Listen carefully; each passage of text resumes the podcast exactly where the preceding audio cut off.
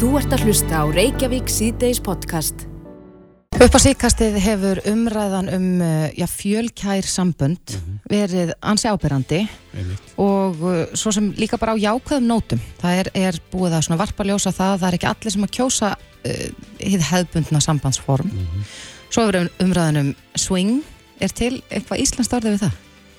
Um, ekki að sími mann í augnablikinu? Nei, en ég held að flestir viti hvað þetta er. Mhm. Uh, Umræðan um swing hefur líka verið ábyrrandi og, og hver mann ekki eftir umræðan um ananasin í, í hagkaup út á eðistorki. En uh, hins vegar að, að við rákumst á, á uh, við taljarinn á dvaf.is þar sem að, er verið að tala um skugga hliðar þessara opina sambanda Mhm. og, Og það, það- Já, það er Guðrún Ágústa Ágústóttir, uppeldis fíkni og fjölsýttufræðingu sem að er þar til viðtals og, og okkur sýnir svona á þessu viðtali að hún sé ekki endilega hrifin að þessu formi. eða hvað, Guðrún Ágúst er á linni, kom til sæl Já, góðan daginn. Já, Guðrún, er, er, er þetta varhugavert að vera í slíku sambandsformi bara eh, heilt yfir? Sko, ég held að það sem að gleymis kannski svolítið í umræðinni eins og ég segi þarna í þessu viðtali er það að þú veist í sjálfu sér aldrei uh, út í hvað þú ert að fara, skilur og, og ég lísti svona svolítið þannig að það er svona svolítið eins og að kvitta undir ykkur tjekka sem að þú veist síðan ekki hver upphæðin verður. Óutviltu tjekki. Já, svolítið þannig sko og uh, í sjálfu sér kannski ætla ég ekkert að, að svo sem að hérna setja neitt út af það bara ungt og ballust fólk uh, sé í einhverjum svona tilfæringum. En það sem að ég kannski aðalega að fjalla um er þetta þegar fólk áorði börn og fjölskyldu saman.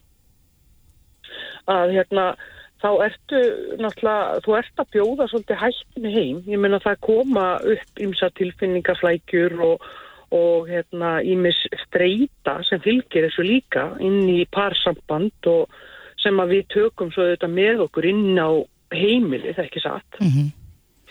og um, ég er stótt ágætt að svona þú veist, ég fæ svona ofta að heyra það að fólk segir svona já, já, en ég meina börnin er ekkert verða, ekkert vörfið þetta og börnin veit ekkert.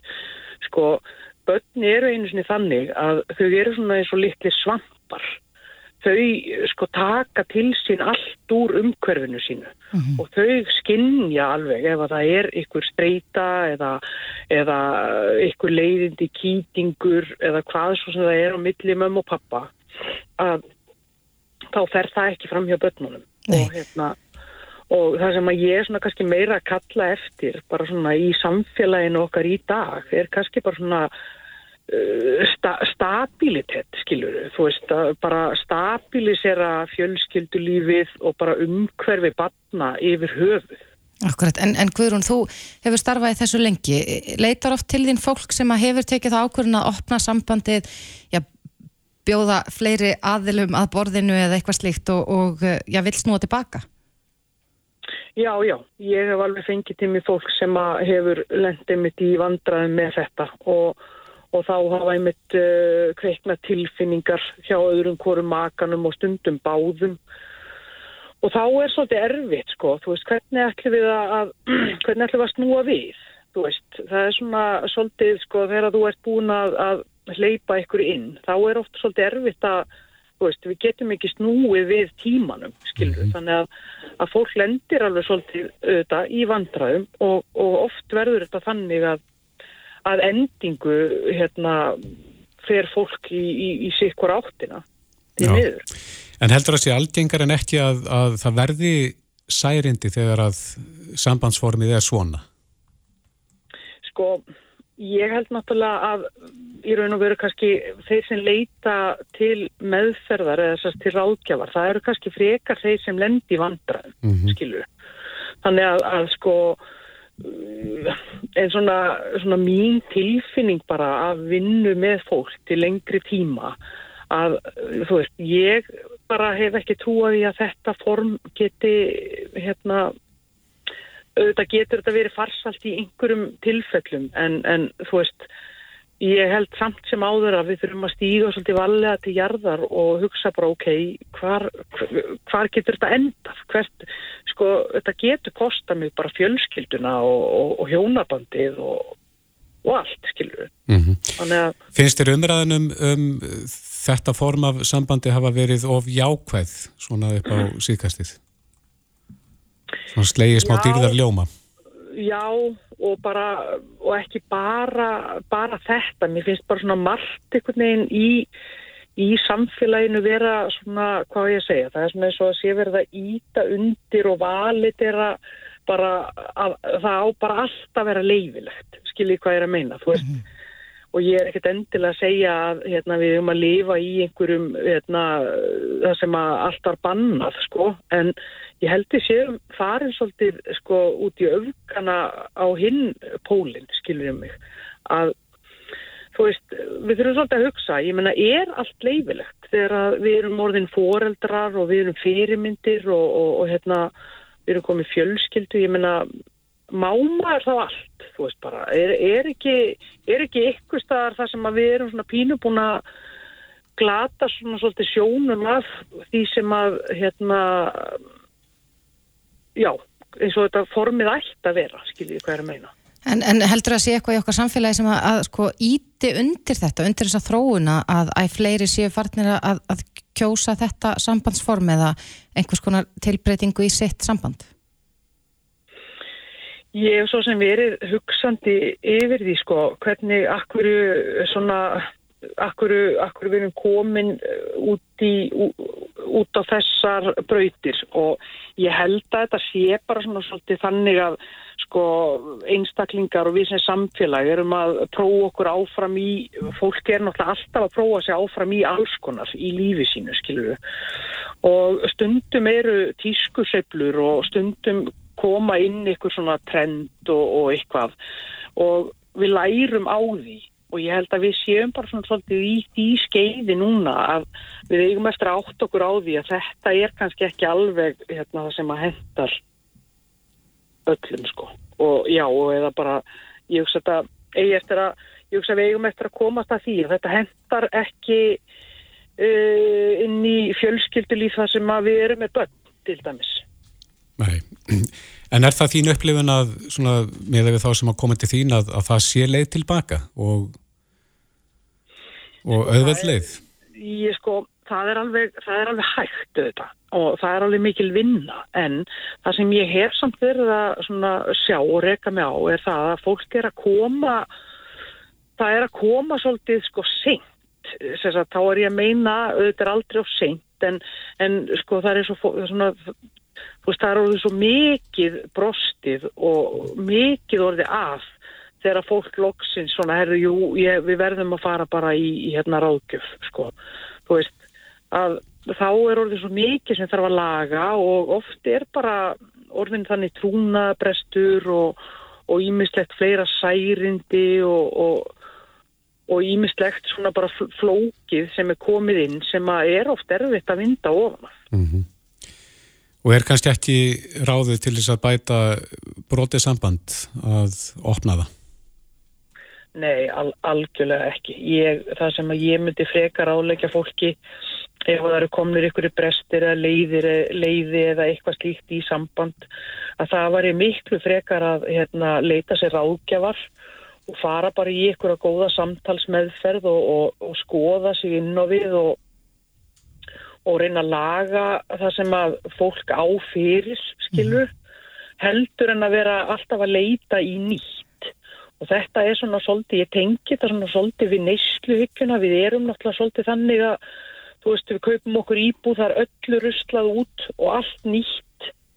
Og þetta er svona svolítið orðið stefið í samböndum fyrst með líka, þú veist, það er bara, ef eitthvað pínlítið er orðið af, þá viljum við bara nýtt, þá er þetta bara ónýtt og bara á haugana með þetta, með skiljið mig, í staðin fyrir, ok, við getum alveg laga, það, það er ekki, veist, það eru alveg stóðir hérna í sambandinu sem við getum byggt á og það er margt gott, þetta er ekki ónýtt, skiljið hvað er að meina, þú veist, að leggja kannski svolítið vinnu í og stundum oftast er þetta bara einhverju mjög einfaldi hluti nefnilega.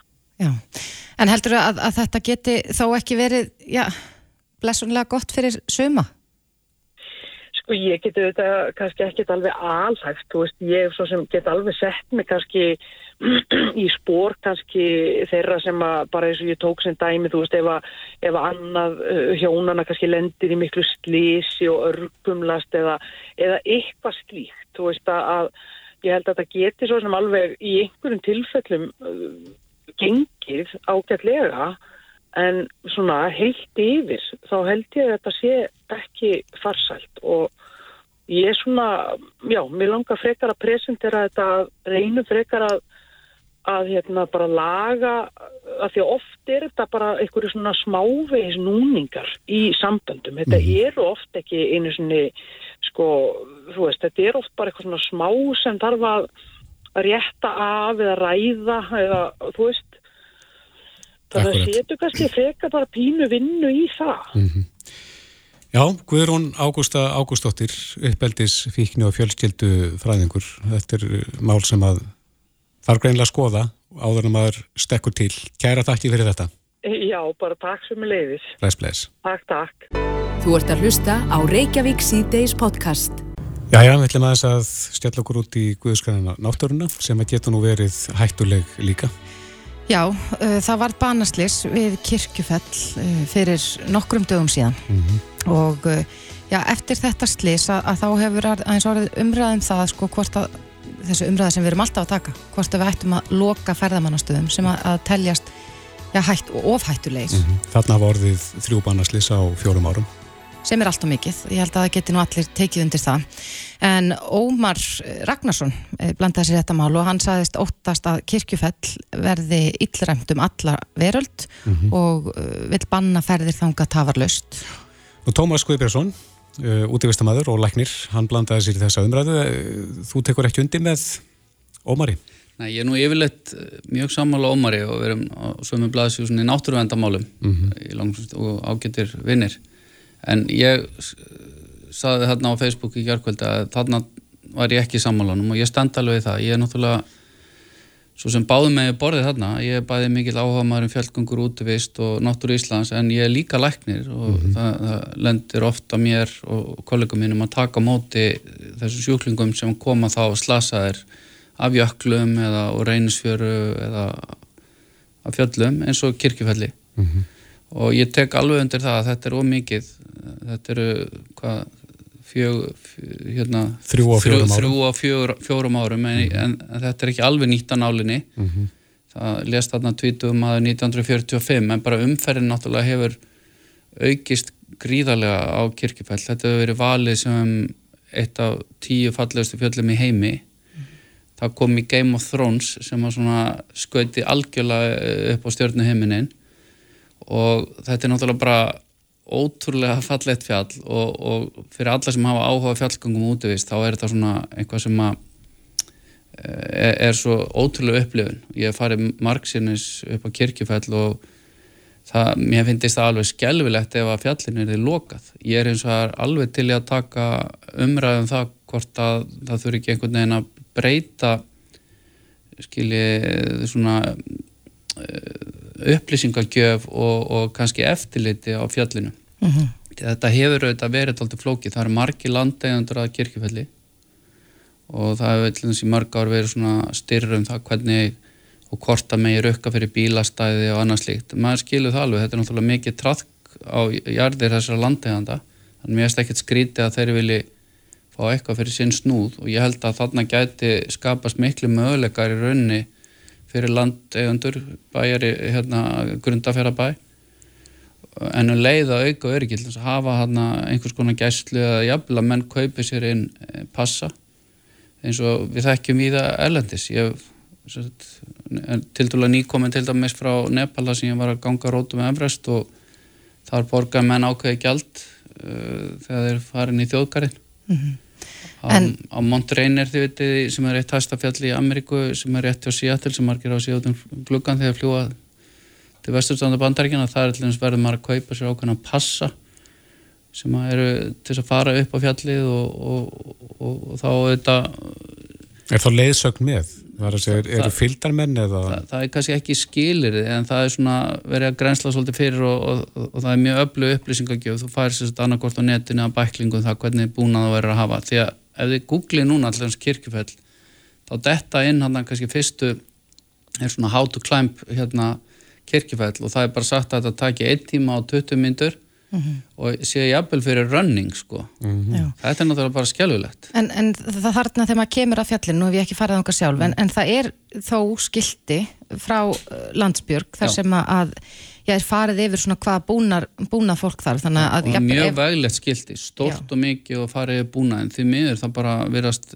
mjög margir ekki fara eftir þessu og ég held að þarna sé til dæmis því miður, það er svo mikið upplýsingum á netinu sem eru rángar, að til dæmis bæði göngutíminu upp og, og, og þetta er miklu miklu flóknara heldur en uh, þetta er tölvert uh, flókin ganga og hérna það eru hann að staðir á leiðinu sem eru bara mjög varhaverðir myndi ég segja en það er, kallar. Ég til dæmis þegar ég fer þetta á sömurinn þá er ég oft með ísöksi með mér bara til þess að það séu auðveldur að fóta sig í sleipu grasinu og, nota svona búnaðin þetta eru þetta orðið vandamál núna hvað eru margir sem að er að sækja þarna og hafa séð þetta í sjómarpinu eða í sjómarstáttum og, og heillast á fegur fjálsins mm -hmm.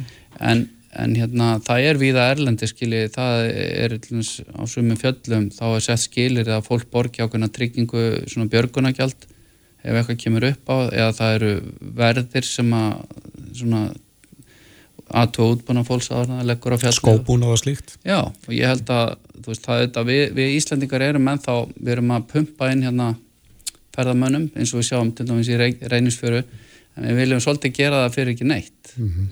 mér hefur til dæmis fundist fyrir löngu tímabært að hafa uh, vörð í reynisfjöru sem er á svæðinu og, og, og svona eins konar landvörður ég veit alveg að það kostar peninga og það þarf að skaffa þeim húsnið og annað mm -hmm. En við getum einhvern veginn ekki búist við því að, að svona, í svona falleri en varhuga veri náttúru sem við eigum að, að það sé án, án slisa Og það er kannski aldengara en, en ekki að fólk ofmið degin getu til fjallgöngu og, og slíks. Já, mér finnst alveg komið til greina ykkur að segja að, að fjallinu sé lokallum svo vetun á haustin þegar eins og núna eru steinarnir rodninsleipir. Mm -hmm. Ég myndi sjálfur segja að það sé mjög varhugavert og bara fyrir svona vana klifumenn með jöklabúna að fara þann upp að vetri til. Ég er ekki að segja að það er algjörlega loka fyrir það, það væri þá að sækjum einhvers konar leifi að fá að fara vetuna til þess fyrir ísklifrar og svona en ekki hafa það opið fyrir almenning. En, en það sé alveg klárt að það sé hægt að klífa fjallið að sumri til. Mm. og, og ég til dæmis get satt ykkur á því að einu sinni fór ég hérna upp. Við kerðum á bæna klukkan tíu og kom, komum hérna rétt fyrir minnati og löpum upp og vorum upp á kirkipalli í júni á sumarsólstöðum þegar að sólinn var að setjast og komum aftur upp og við sagt, gistum hérna uppi á fjallinu. Og ég er ekki að segja að þetta sé eitthvað sem að aðri að ab eftir eh, við, hérna, en, en þetta var fyrir mörgum, mörgum, mörgum ára síðan og við vorum hann til að taka myndir. Mm -hmm. og þetta er bara svona upplifin þetta sem að ég myndi eh, hérna, sem ég gleymi aldrei en ég myndi auðvitað aldrei mæla með þessu við við aðra því að það er algjör kraðak og, og hérna, þetta er náttúrulega alls ekki fyrir það sem gangi í söfni því að það er mjög fröngt að nöppi þetta er ekki fyrir loftræta þetta fjall. Nei. en það verða því að vera svona líka áskoranir í íslensku náttúru. Ég menna ef að þessi rauk óma segja að gilda hér þá myndum við náttúrulega um leið ekki satt loka Matterhorn og Mont Blanc og ég tala ekki um Everest K2 ég menna það er kannski fjörði hver sem að fyrir K2 sem ekki kemur levandi niður. Mm -hmm. En nú er fyrir síð, við höfum talað um það að, að já, ferðamannaströymur muni öllum líkindu bara aukast. Mm. Er ekki komin tími til að já, setja einhverja stefnu í þessum málum á þeim stöðum sem að þykja hvað hættulegastir? Jú, ég held að þetta er frábár spurning og ég held að þetta sé bara tímaspursmál hvernig verðum að, jábel, það, ég veit að þetta hugnast ekki mörgum hér að, að þessum takmarka aðgang, en þannig er þetta á þessum frægustu stöðum erlendis í þjóðgórum eins og Yellowstone og, og til dæmis eh, við rætur Everest og svona það sem ég var, þá er seldur ákveðin fjöldi passa eða þess að það er ekki bara dælt inn á svæðið. Og við hefum til dæmis verið að ræða til ferðarfélag Íslands til dæmis með laugavegin sem hefur verið valin eina tíu fallegustu göngulegum í heimi. Og við eigum þessa göngulega Íslandi og hún skapar okkur tölverða tekjur og auglísi landið þetta en það mætti til dæmis ræða það hvort ægi bara að leifa umferði aðra áttina. Láta alla ganga í sömu átt þess að fólk upplifið sér meira svona út af fyrir sig. Þetta er gert á Nýja Sjálandi og viðar í heiminum Við erum svolítið rög við það að setja ykkur reglur varðandi þessi mál. Já og ég veit að Íslandingur eru bara vanir þessu frelsi, þú veist ekki að færða þessi eigin landi. Það mætti alveg hugsa sér líka að gildi aðeins aðra reglur, þú veist að Íslandingar þurfi sjálfur ekki að borga allans fyrir að heimsækja þingvelli. Mm -hmm. En það er í rauninni ekkert, þetta er viða svona út í heimi að til þess að heimsækja svona þjóðgans og þingvelli þá þurfur að borga einhver svona gjald fyrir að fara ánga inn. Ég held að margir útlendingar sem bara hissa á mm -hmm. að, að, og ég þekki þetta bara eins og ferðarfélaginu inn í landmannlöfum það kostar marga, marga, marga miljónir bara að reyka klósit inn í landmannlöfum og það eru flestir þar sem koma þar sem ekki greiða neitt gjald fyrir mm -hmm.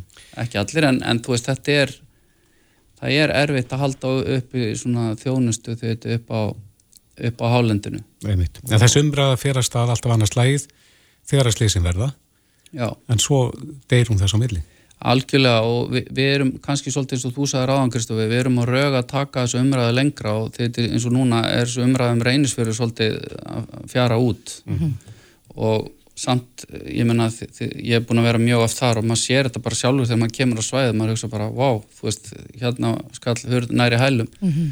en lausnin er ekki að loka reynisfjöru eða loka kirkjufelli að banna ferðir á kannanþarsnúk, við eigum að bæta upplýsingagjöf og einhvern veginn að til dæmis að koma inn á netið, inn á internetið að það fyrsta sem þú googlir ekki um kirkjufell sé hvað það sé fljóðlegt að fara upp á það. Akkurat. Því að þetta er bara bylla, sko, 1 tíma og 20 myndur kannski fyrir mjög vanan klifumann en þetta er ekki, og þetta er bara verulega varhugavert á leiðinu upp, þá er þetta villast af leiðinni. Mm. Það líka stígar á alveg vittlisa leið og það er bara hengjuflug niður og það er svo margir að gæjast þarna. Þarna þarf þetta bara lítið skilti til þess að beina fólki á réttan leið og það kostar ekki mikið að þegar ég ber mikla verðingu fyrir starfi björgunarsveitana sem eru sífælt kallaði til í svona verkefni sem eru erfið. En það mætti líka ræða hérna á Íslandi hvort það sé ekki orðið tíanbært að taka upp einhvers konar björgunagjald að það veri að bjarga mönnum upp á vatnajökli meðan vetur uh, út, út, útlenskum leðangurum og svona. Að menn sé með eitthvað svona tryggingu. Tryggingu sem að greiði fyrir Mm -hmm. Þetta er svona til dæmis á, á við rætur Everesta sem ég var um daginn að ef að fólk þarf svona akut flutning niður úr grunnbúðun þar sem margir veikist að háfællaveiki þá, þá þarf þetta kampundú þá er það 8.000 dollara sem er 1,2 miljónir mm -hmm. margir eru þetta flesti með einhvers konar tryggingar en það er, það er ekki að leggja þetta á Nepali sem er 12. fátakasta landi heimi að þurfa að greiða svona björgun sko Nei, já Þannig... en það er ljóst að við þurfum kannski að, að já, hugsa máluna eins núna áður en að, að við tökum á móti ennþá fleiri ferðmannum. Algjörlega og þetta er alltaf bara að verða meira og meira aðkallandi en aftur svona aðlatri er að, að það er ekki marga þjóðir sem að geta státa á svona náttúruperlum eins og við eigum hérna þannig að auðvitað kirkjufell er að skapa okkur alveg óhemju tekjur og orspor sem fallegt fjall og þannig ég óttast ekki þó að þetta hafi orðið þessi ræðilegu slís að, að þetta er eitthvað svona eftir að að skýta út orðspor kirkjufells, við þurfum bara að grípa inn í og, og beina þessi í betri farveg. Akkurat. Og... Tómas Guðbjörnsson, útvistamæður og læknir. Kæra þakki fyrir komuna. Takk fyrir. Þetta er Reykjavík C-Days podcast. Já, það er ímislegt sem að, að svona fyrir að fluga samfélagsmiðlum mm -hmm. og eitt af því sem er í gangi núna svona fer manna á milli er, eh, já, má segja landakort af Evrópu þar sem að varpað er ljósi á umfram döðsföll uh, í ríkjum Európu og þarna er málið upp nokkur dökkmynd af Íslandi eins og, eins og að hér séu umfram döðsföll uh, hlutfarslega fleiri en annar staðar. Mm -hmm. og uh, Arnar nokkur Sigursson vekur aðtöklu þess á Twitter og segir Íslenskir fjölmiðlar fluttu daglega fréttir af döðsföllum á Íslandi í tvö ár þegar dána, dánartíðinni var undir meðaltali Nú skýrst dánartíðin í hæstu hæðir og enginn spyr af hverju. Nei, og við spyrjum bara af hverju. Já. Guðrún Aspelund, sóttarnalæknir er á línu, kom til sæl. Kom til sæl. Já, það er spurt, af hverju er enginn að bá svona þetta þegar að dánartíðin er ríku svona upp? Já, það er náttúrulega alveg rétt, því að þetta er ekki alveg nýlegt og við vorum einmitt með frétt, sérstaklega um þetta á sínum tíma. Mhm. Mm Um, það sem er verið að sína þarna, mér hafa verið sendar eitthvað myndir, uh, þetta er júli og ágúst uh, sem umræðir held ég sem aðlega verið að ganga hann á milli. Og við vorum nefnitt með frétt á vefnum hjá okkur í ágúst þar sem við vorum að fjalla um júli um, og umfrandaðisvöld sem höfðu orðið. Og uh, að það veri langt líklegast um, líka tengt COVID því við sáum uh, fjölda andlata aukast á og það sama hefði verið í, líka í, í mars, þetta er alltaf árið 2022, ekki í fyrra, þetta er núna 2022, mm -hmm. kjálfar Omikron og við bendum einmitt á þetta að umfram döðsvöld hefur verið uh, hefur mælt hér í, í mars 22 uh, og svona nálagt í, í júli fyrir allan aldur en hjá eldarinnstaklingum uh, í mars og, og júli Akkurat, þannig að, að þessi, þessar myndir sem er þá að ganga manna á milli bara eru hreinlega ekki réttar eða hvað? Jú, ég, nei, ég er að taka undir þetta. Það voru um þann döðsvöld hér í júli mm -hmm. uh, og það voru um það döðsvöld hér í mars um, og það var sérstaklega eldra fólki uh, það náði ekki alveg svona að vera marstætt í, í, í júli en það voru samt alveg mjög nálægt í þannig það var klarlega toppur þar uh, það var reyndar sko farið döðsvöld alveg rétt líka á ákveðnum tímabillum 2020 og 2021 um og þegar þetta er allt tekið saman að, að, þá er þetta að fá svona eitthvað ákveðið meðaltæli en við sáum þannig kjálfar ómikrón bæði uh, fyrirbylgjan sem er þá þegar var þarna BA1 og 2 og svo maður segja kannski þetta bylgja með BA5, 4-5 að þetta voru bara það mörg smitt að það um, Þetta er náttúrulega allar dánarorsakir, þetta er ekki bara COVID sem hefur verið að stíma þarna, þetta eru allar orsakir, krabum, mennslis, uh, hjartáflöld og slíkt en, en að við vorum með COVID andla þarna, þá koma það auðvitað inn í og, við, og tellum að það út af því þess, þessar mánuði sem ég, ég tala.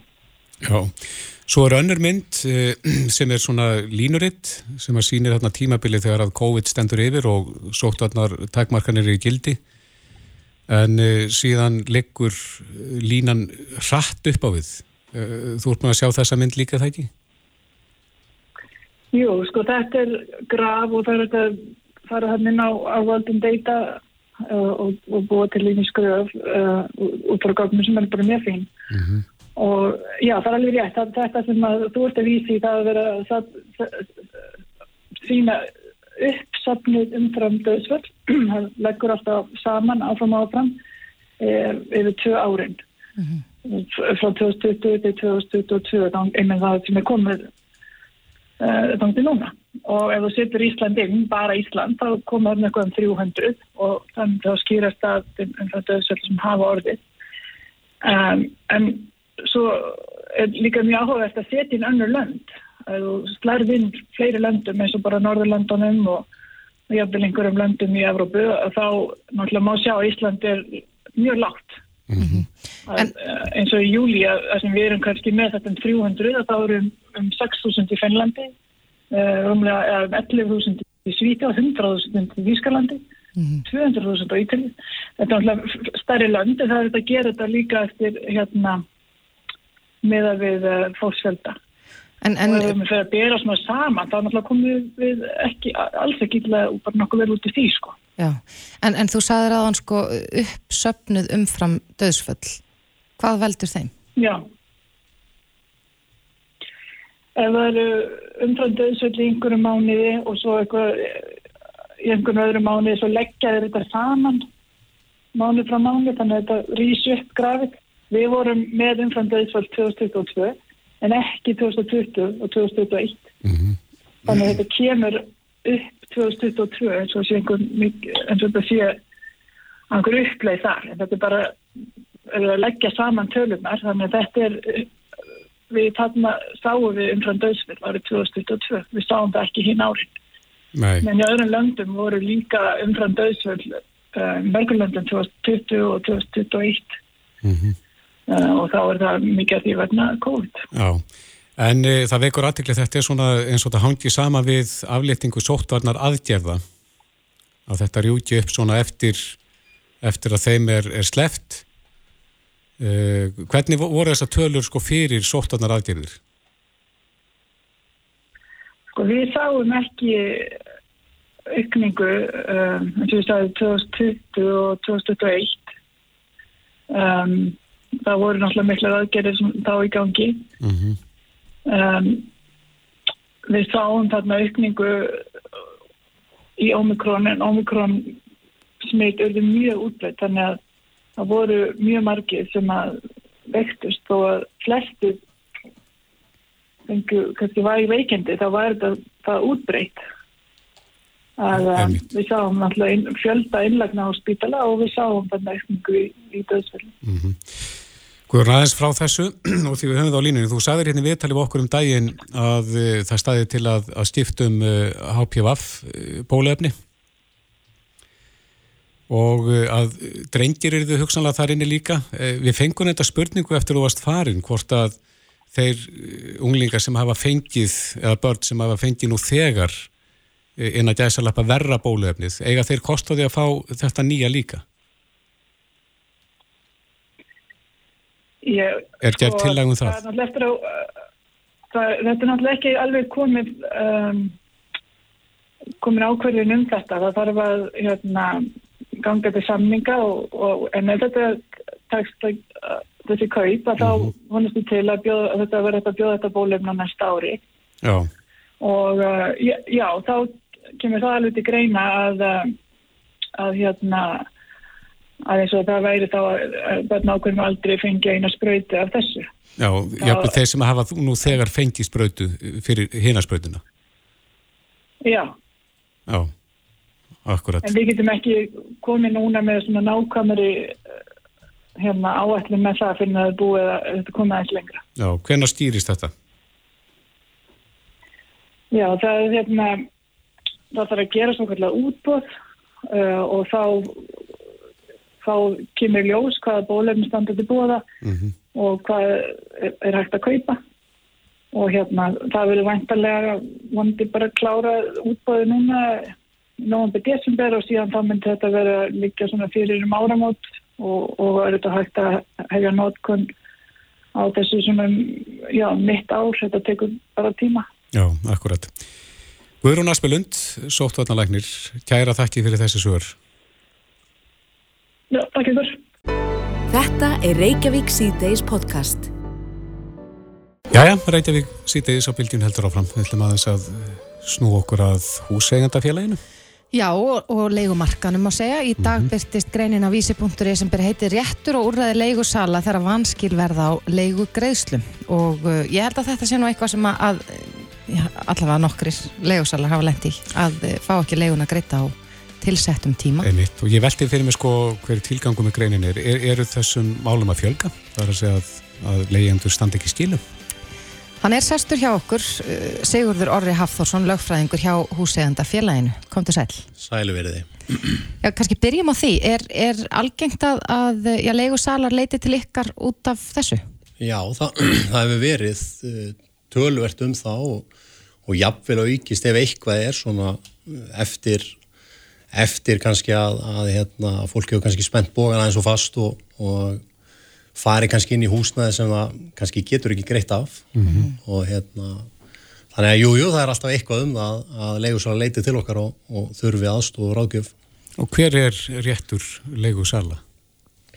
Um, já, réttur, eh, semst réttindi leigusala ef, ef le, leigjandi greiðir ekki. uh, ég fer yfir það í greinni mitt að, að, hérna, að það eru þessar frum skildur í leigusambandinu. Það er leigusali sem á að veita húsnæði og, og leigjandi á þá að, að greiða leiguna og, og, hérna, og leiguverðið eru þetta í langflössum tilfellum tilkynnt í leigusamningi og ef leigjandi greiðir ekki rétt leiguverð á réttum tíma þá, þá getur leigusali rift samningi og að undan genginni sem sagt sjötaga greið, hérna, greiðslu áskorun þar sem, þar sem kemur fram að, að leigjandi eigi að greiða, greiða leiguna innan sjö daga en, en á öðrum kosti verði leigusamningi rift. En hvað þýðir það? Ef, ef að leigusamningi rift? Getur þá leigusalinn bara, uh, já, vísað le, leigjandarum á dyr? það er ekki alveg svo einfalt en, en svona með réttu þá á, þá á leigjandi ekki að vera inn í eigninni eftir að leigusamningi hefur verið rift. Þá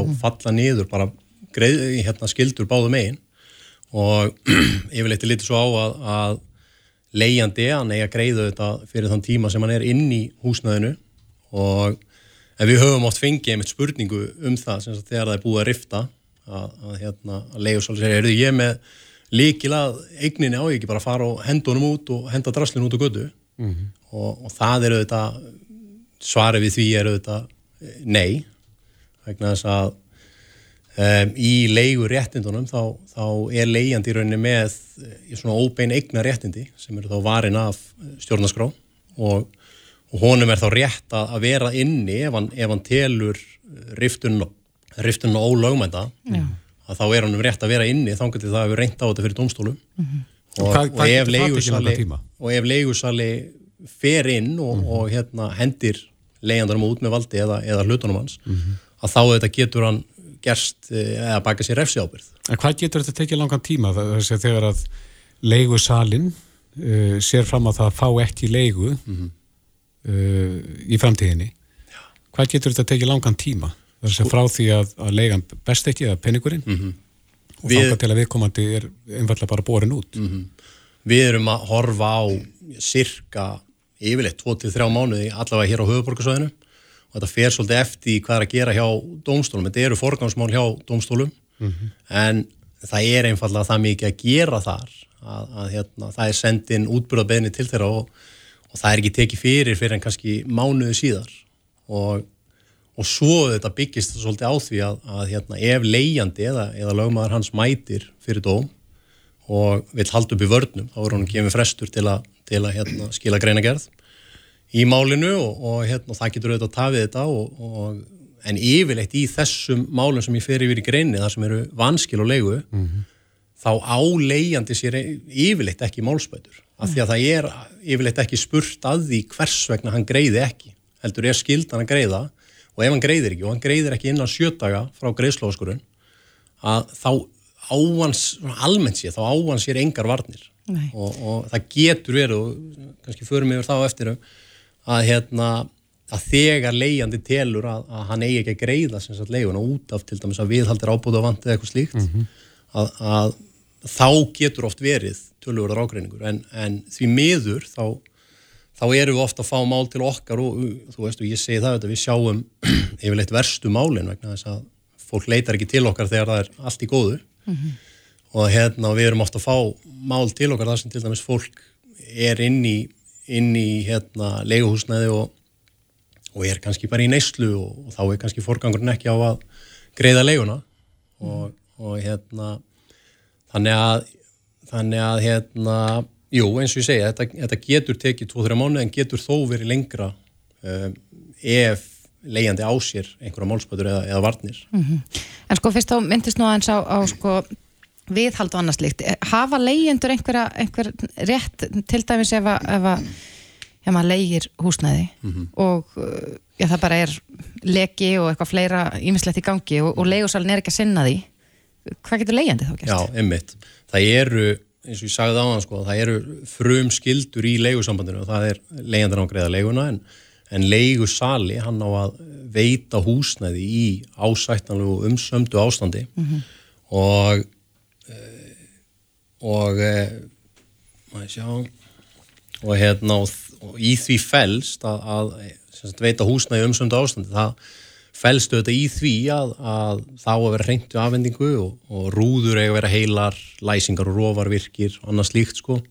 Búnar á að vera í lægi eins og klósett, sturta og, og annað svo leis eh, svo þarf þetta að uppfylla kröfur um brunavarnir og, og svona ofinbers eðlisreglur. Mm. En þurfa leyendur að, að leita til domstóla ef að já, hvert er að leyendur að leita ef að, ef að þetta er ábátánd? Við er ekki synd Já, þeir geta sko, þeir eru með úrræði í lögum til að knýja fram til dæmis úrbætur mm. og, og það er þannig að, að ef, ef húsnæði er, ef því er vant við afhendingu, þá hefur leiðjandi fjórar vikur til að, til að benda á það sem er aðfinnslu verðt um, og og leyendur flask oft á þessu vegna þess að þeir bend ekkit á þetta innan fjögra vikna og þá segir í lögunum að ef þeir gera það ekki innan fjögra vikna mm -hmm. að þá teljast þeir unna ástandinu mm -hmm.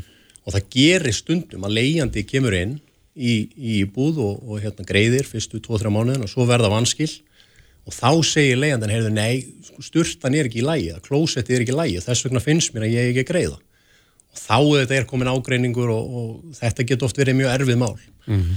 um, en uh, en uh, Fyrir ekki, er, er aldengt að uh, fólk sé að borga fram í tíman þar að segja að legan er greitir það ekki mánu fram í tíman mm, það, Sko það segir í lögunum að það megi ekki krefjast fyrirfram greiðslu á leigu mm -hmm. að öðru leitin því að leigan á að vera greitt á fyrsta sagt, já, eða hérna fyrsta virka dag hvers mánuðar mm -hmm. um, en svo má vera með tryggingu og tryggingi er í raunin ekki fyrirfangreisla á leigu eins og margi líta á heldur er þetta einmitt bara trygging á réttum emdum á leigusamlingi mm. og, og það er einmitt þannig að, að til dæmis ef það verða leiguvanskil og getur leigusali gengið í trygginguna. Um, ef e, já, bara segjum að verði skemmtir á húsnæðinu þá getur leigusali fa farið í trygginguna fyrir því að loknum leigutíma. Eh, og það eru auðvitað formreglur í þessu og hann þarf að krefjast þess skriflega og ef, og ef leiðandi hafnar því þá þarf það að fara fyrir kærunni húsamála. Þannig að þetta er smá ferli. Já, já, þetta getur verið það. En, en hérna við, það var nú einhver punktur sem ég ætlaði að koma inn á. Já, það var semst viðhaldið e, semst eftir afhendingu. Mm -hmm. að þá eru skildur leigusala, það eru auðvitað að halda húsnæðinu í leiguhæfu ástandi. Og og það þýðir að hann á að taka á sig allt eh, viðhald sem ekki telst minniháttar veist, hann á að laga klukka og hann á að sjá til þess að búnaður inn í eigninni sér í lægi um, leiðjandi hins vegar á að svona annars minniháttar viðhald það er til dæmis uh, já, ég veit ekki, skipti á ljósaperum mm. rafluðum í reikskinjurum Þannig að leiðjendur get ekki, ekki hóað í leigusalan við öll minniháttar tilvík Nei, raun og verð ekki sko. Nei. En, en eru þið að, að ef að fólk leitar til ykkar og allt er komið í óöfni, eru þið að, að aðstofa fólk við að leita réttarsins fyrir dómstólum eða hvað? E, já, við, við förum með það, ef við svona ráðgjöf og aðstof húsendafélagsins er fyrst og fremst á fyrstu stigum í svona málum mm -hmm. og yfirleitt reynum við að, að ganga frá málunum bara með breyfaskriftum mm -hmm. en við getum tekið þetta allavega farið semst í rauninni frá, uh, ef við tökum til þess vanskil á, á leigu, að að þá getum við farið alveg frá greiðslóðaskorun alveg til domstól og til síslumanns ef, ef með þarf og, og ferillin á málunni er þannig að, að þetta fer fyrir domstóla þá er málunni yfirleitt útvista til lögmanns um, sem, sem, hérna, sem við erum þá með á, á okkar böndum mm. og uh, svo kemur ákverðun dómara um útburð og þá þarf að fara með það fyrir síslumann sem, sem fullnustar útburðin Einmitt. og í rauninni fer þá bara og tekur leiandan út með valdi ef, ef þess gerist þörf mm -hmm. Að þetta er ekkit í öllu tilfeikum mjög eh, einföld mál Nei, það getur, getur sko meira en verið mjög flókið að koma leianda út sem greiður ekki á réttin tíma Já. Sigurður Orri Hafþórsson, það má lesa greinina þín inn á vísi.is, það sem þú ferðaði sig við þessi mál Þú ert lögfræðingur í húsegandafélaginu Kæra þakki verið komina Takk kærlega sem leðis Reykjavík síðdeis á Bilginni podcast Í dag, 25. oktober, mm -hmm. er eh, alþjóðlegur dagur dvergvaksina. Já. Þetta er nú málefni sem að maður heyrir ekki oft minnst á. Nei. Og, og hefur svo sem bara gríðilega litla þekkingu á ef, ef ég svona líti eigin barn. Mm -hmm. Já, hversu margir eru til dæmis dvergvaksnir á, á Íslandi? Það er góð spurning. Er, er til einhver tölfræði við það? Já, eða einhver samtök sem að, að halda utanum þennan hóp. Mm -hmm. uh, við rákumst á umræðin á Facebook, þar sem að móðir stígur fram og segir að hún sé svo heppin að eiga dóttur sem er með dverg, dvergvöxt. Hún er á 12 ári og segir hér hún er alveg mögnu og gefur jafnöldurum sínum ekkert eftir. Mm -hmm. en það er hún Kristín Ósku Bjarnadóttir móðir 12 ára stúlku með dvergvöxt sem er á línun hjá okkur í dag, kom til sæl. Komið í sæl og blessuð. Já Kristín, þetta er nú kannski eins og við sögum hérna rétt á þann, eitthvað sem er ekkert mikið fjallað um, er þetta stór hópur? Heyrðu, þó að ég nú dóttir, hún er 11 ára en á 12 ári og hérna ég, við erum mjög lítill hópur. Og ég veit um að það eru þrýr drengir sem að ég veit um á Íslandi sem að eru með dörgvöxt það eru nú ekki ekki fleiri en það. Mm -hmm. þannig að þetta er mjög mjög lítill hópur. Akkurat, en, en, uh, já, en þú segir að hún er eina stelpan, allavega svo sem uh, eina stelpan sem þú veist af Já, ég veit ekki veit ekki um fleiri stelpur sem að hérna, eru með dörgst. Nei. Hvað er það sko út af því eins og ég segi, þá veit maður sára lítið um dvergvöxt. Er þetta bara spurningum um sko, já stærð, er eitthvað, er eitthvað fleira sem að fylgir því að vera dvergvöxin? Sko, þetta er rauninni snýst kannski, jú, auðvitað snýst þetta um stærð, en þetta er náttúrulega þau fæðast að verður einhver stökkbreyting, að í rauninni geta allir eignast barn með dvergvöxt og hérna, en alltaf meiri líkur ef að ef að við komum þér sjálfur með dörgvöxt mm -hmm. en hérna þetta okkur var sagt þegar að hún fættist þetta væri svona 1.25.000 sem að fættist myndi fæðast með dörgvöxt Já, er sem sagt dörgvöxtur í fjölskeldinu þá? Nei, það er ekki hjá okkur hún er semst fjórða stelpan okkar sem við eignumst og, mm -hmm. og mhm. jáfnframt yngsta og hérna hinnar eru bara bara fullvaksta. Já, en hver, hver, hver eru helstu svona einkennin? Hvað er það sem að, sem að einkennir? Já, ég var á meðgöngunni hjá mér var ég búin að fara oft í sónar og vakstasónar og, og mm. kom aldrei í ljós en, en daginn eftir hann fæðist að þá hérna kemur til mín eða fæðingarlagnirinn og fyrir skoðana og, og hérna og þá kemur það í ljós að hún er með dörgóks, hann fæðist 53 cm 17 mörgur þannig að það Aha Það hljómar eðlilega? Ég nákvæmlega. Hún er rosa höfustór að var það og hún svona kannski samsverður sér betur í dag. Mm -hmm. Þetta eru upphandlegs svona beinin sem eru stiktri, þannig að það eru stiktri hendur mm -hmm. og lærlegs beinin, þau eru stiktri. Þannig að en svona búkurinn samsvarður sér í rauninu, þannig að hún, þegar hún situr þá ber ekki mikið af þessu, en, en leiður hún stendur upp og þá hérna minkan tölvert. Mm -hmm. En þú segir hér En þú segir hér Kristín að hún sé alveg mögnuð og gefi jafnöldur sínum ekkert eftir. Finnir þið mm -hmm. fyrir einhvers konar fordómum í garð ja, hennar? Uh, við erum rosalega hættin að búa blönda sig, litlu samfélagi. Þannig að hérna, það er ekki, við finnum ekki fyrir því hér en hún hefur aðeins farið að finna fyrir því svona eins og til dæmis yfir sumatíman fyrir að mikið að ferðamennum og hún kannski úti að, leika sér með mhm. jafnöldun og svona og, og kannski var með, svona fór meira fyrir því þegar hún var yngri og þá var hún kannski hérna úti, ég veit ekki, kannski á tíu ára eitthvað og var í símanum hérna út á hoppubelgjaði skólalóð og þá var, eh, þú veist, um eitt krakkar sem var bara, okkur tókum við símar svona lítil. Já.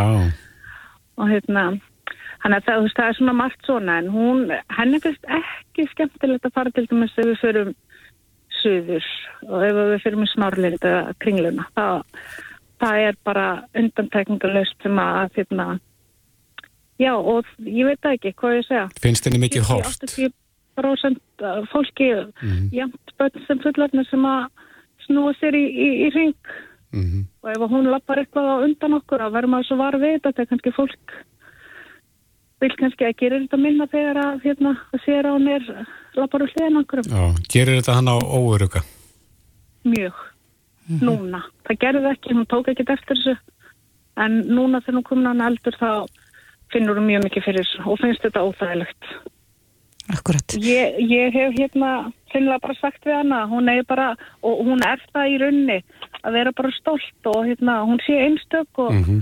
og það sé í raunni bara fólk sem meira kannski að horfa að þegar það styggir hún bara flott að fín sko, heldur en hún sé eitthvað að segja eitthvað aðinni. Akkurat.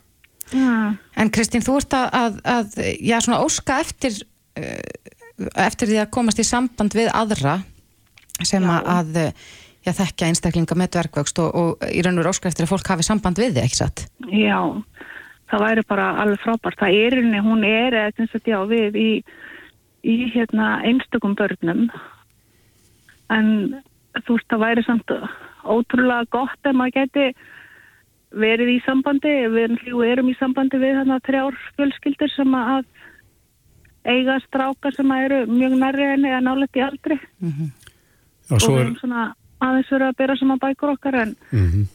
en það væri bara rosa flott ef maður, ef það væri fleiri hérna sem að sem að væri með dvergókst eða, eða ættuböld með dvergókst að hérna, já, maður getur svona sett eitthvað í gang, einhvern, einhvern hóp svona sem að eitthvað félagskap Já, svo er náttúrulega fullotnir einstaklingar sem geta kannski miðlað heilmikið af reynslu sinni. Nákvæmlega nákvæmlega og þetta er einhvern veginn, mann finnst maður alltaf verið að finna upp hjóli, það er alls konar svona, þú veist, eh, bara til dæmis þá erum við að hérna, gera upp húsi okkar núna Mm -hmm. og, og við erum, þú veist, eins og með eldursinnefing og annað, þá erum við að, að láta byggja inn í það svona bara þrep fyrir hanna, þannig að þetta er bara útræðanlega þrep sem að sem að hún dregur út úr innvittingunni sem að hún sem sagt þá er auðveldur fyrir hann að komast að vaski og, elda vil og Og í skápa og slikt. sko þannig að hérna, þetta er Akkurat, þannig að maður núna til að nú hann komin á þennan aldur þá, þá kaupir maður ekkert bara eitthvað í, í minni stærðum. Það er náttúrulega þykir bara batnalegt Já, þannig að þið reykist á það við að, að, að, að samfélagið er kannski hannað í kringum fólk sem er fullvaksta. það, það er bara þannig. Og þetta er náttúrulega, þetta er náttúrulega lítill hópur líka þannig að maður kannski er ekkert endilega að gera ráð fyrir það að það takja allir tillit til þessa hóps en, en þetta er samt já, eins og með fatna og svona, þetta er erfitt í dag, maður þarf bara að vera með, með hérna einhvern saumarsnilling sem að getur bara hreinlega, já sér saumað á hana eða eða hérna stitt, stundum er þetta bara ekki nóg þú veist, eins og gallabuxur í dag sem eru kannski með, eiga vera ripnar á hnjánum og, og hérna hann finnst það rosa flottar en svo kem ég með þær heim og ætla kannski klippa að stitta fyrir hana þá er, þá er rifan sem átti að vera hnénu kannski bara komin er okla Já, akkurat. Þannig að það er í mörgóttna líta. Já, það er það Akkurat. Já, en hún er algjör nagli, það er bara þannig já, við heyrum það. mm. En Kristín, ef að einhver er að hlusta og Já. uh, ég vill uh, koma sér í samband við þig, hvað er best að gera það? það má bara endilega senda mér bara línu á Facebook Akkurat. Já, það er bara, bara langt best Já, finna við þar. Já, Kristín Ósk Bjarnadóttir, við vonum að- að einhver hafi samband og þið getið, já, komið upp einhverjum félagskap ykkar á milli. já, það væri bara frábært Kæra þakki fyrir þetta. Takk sem við leiðis Hlustaðu hvena sem er á Reykjavík C-Days podcast.